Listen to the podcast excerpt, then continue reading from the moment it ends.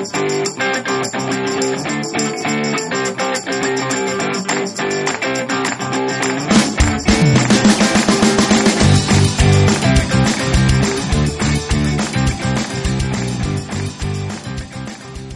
chamome Mía e os vou a recomendar o libro O baño de Cleopatra. Autora Ana Alonso, ilustrador Kiki Ibáñez, editorial Anaya. Colección Pizca de Sal. Había unha vez unha nena chamada Silvia e un neno chamado Julio. O avó de Silvia tiña unha tenda que se chamaba o Antifaz Azul e había unhos disfraces máxicos. Probáronos e viaxaron ao Egipto e axudaron a Nipe a facerlle o baño a Cleopatra. Opinión personal é moi divertido e vos vai a encantar.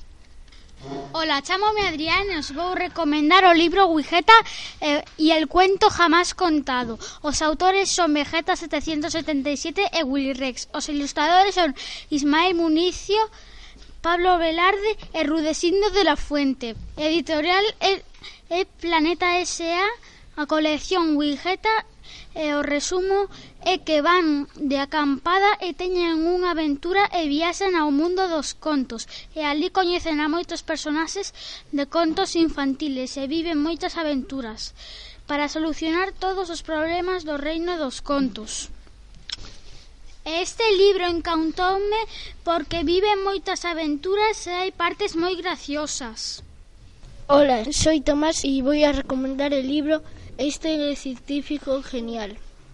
Autora Sara Gil Casanova. Ilustraciones de Cuatro Manos Estudios y Raquel Fragata. Editorial El Rompecabezas, colección Sábelo Todos.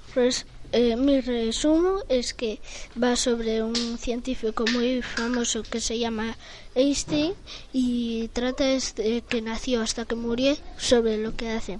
Mi opinión personal es que es muy interesante y cuando lees eh, te despierta la curiosidad e non podes parar.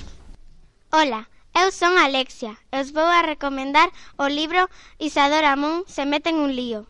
O autor Harriet Muncaster é tamén unha ilustradora.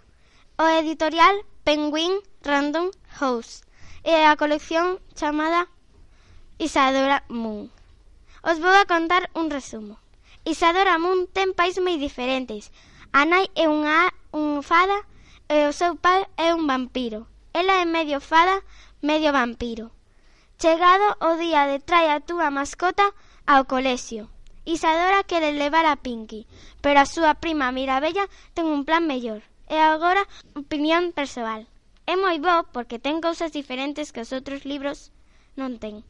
Harden Muncaster ten moitas ideas e gustaríame que os leáis moitos libros de ela. Grazas. Adeus. Hola, chámame Daniela e vou vos recomendar El asesinato de la profesora de lengua. Autor ou autora Jordi Sierra y Fava.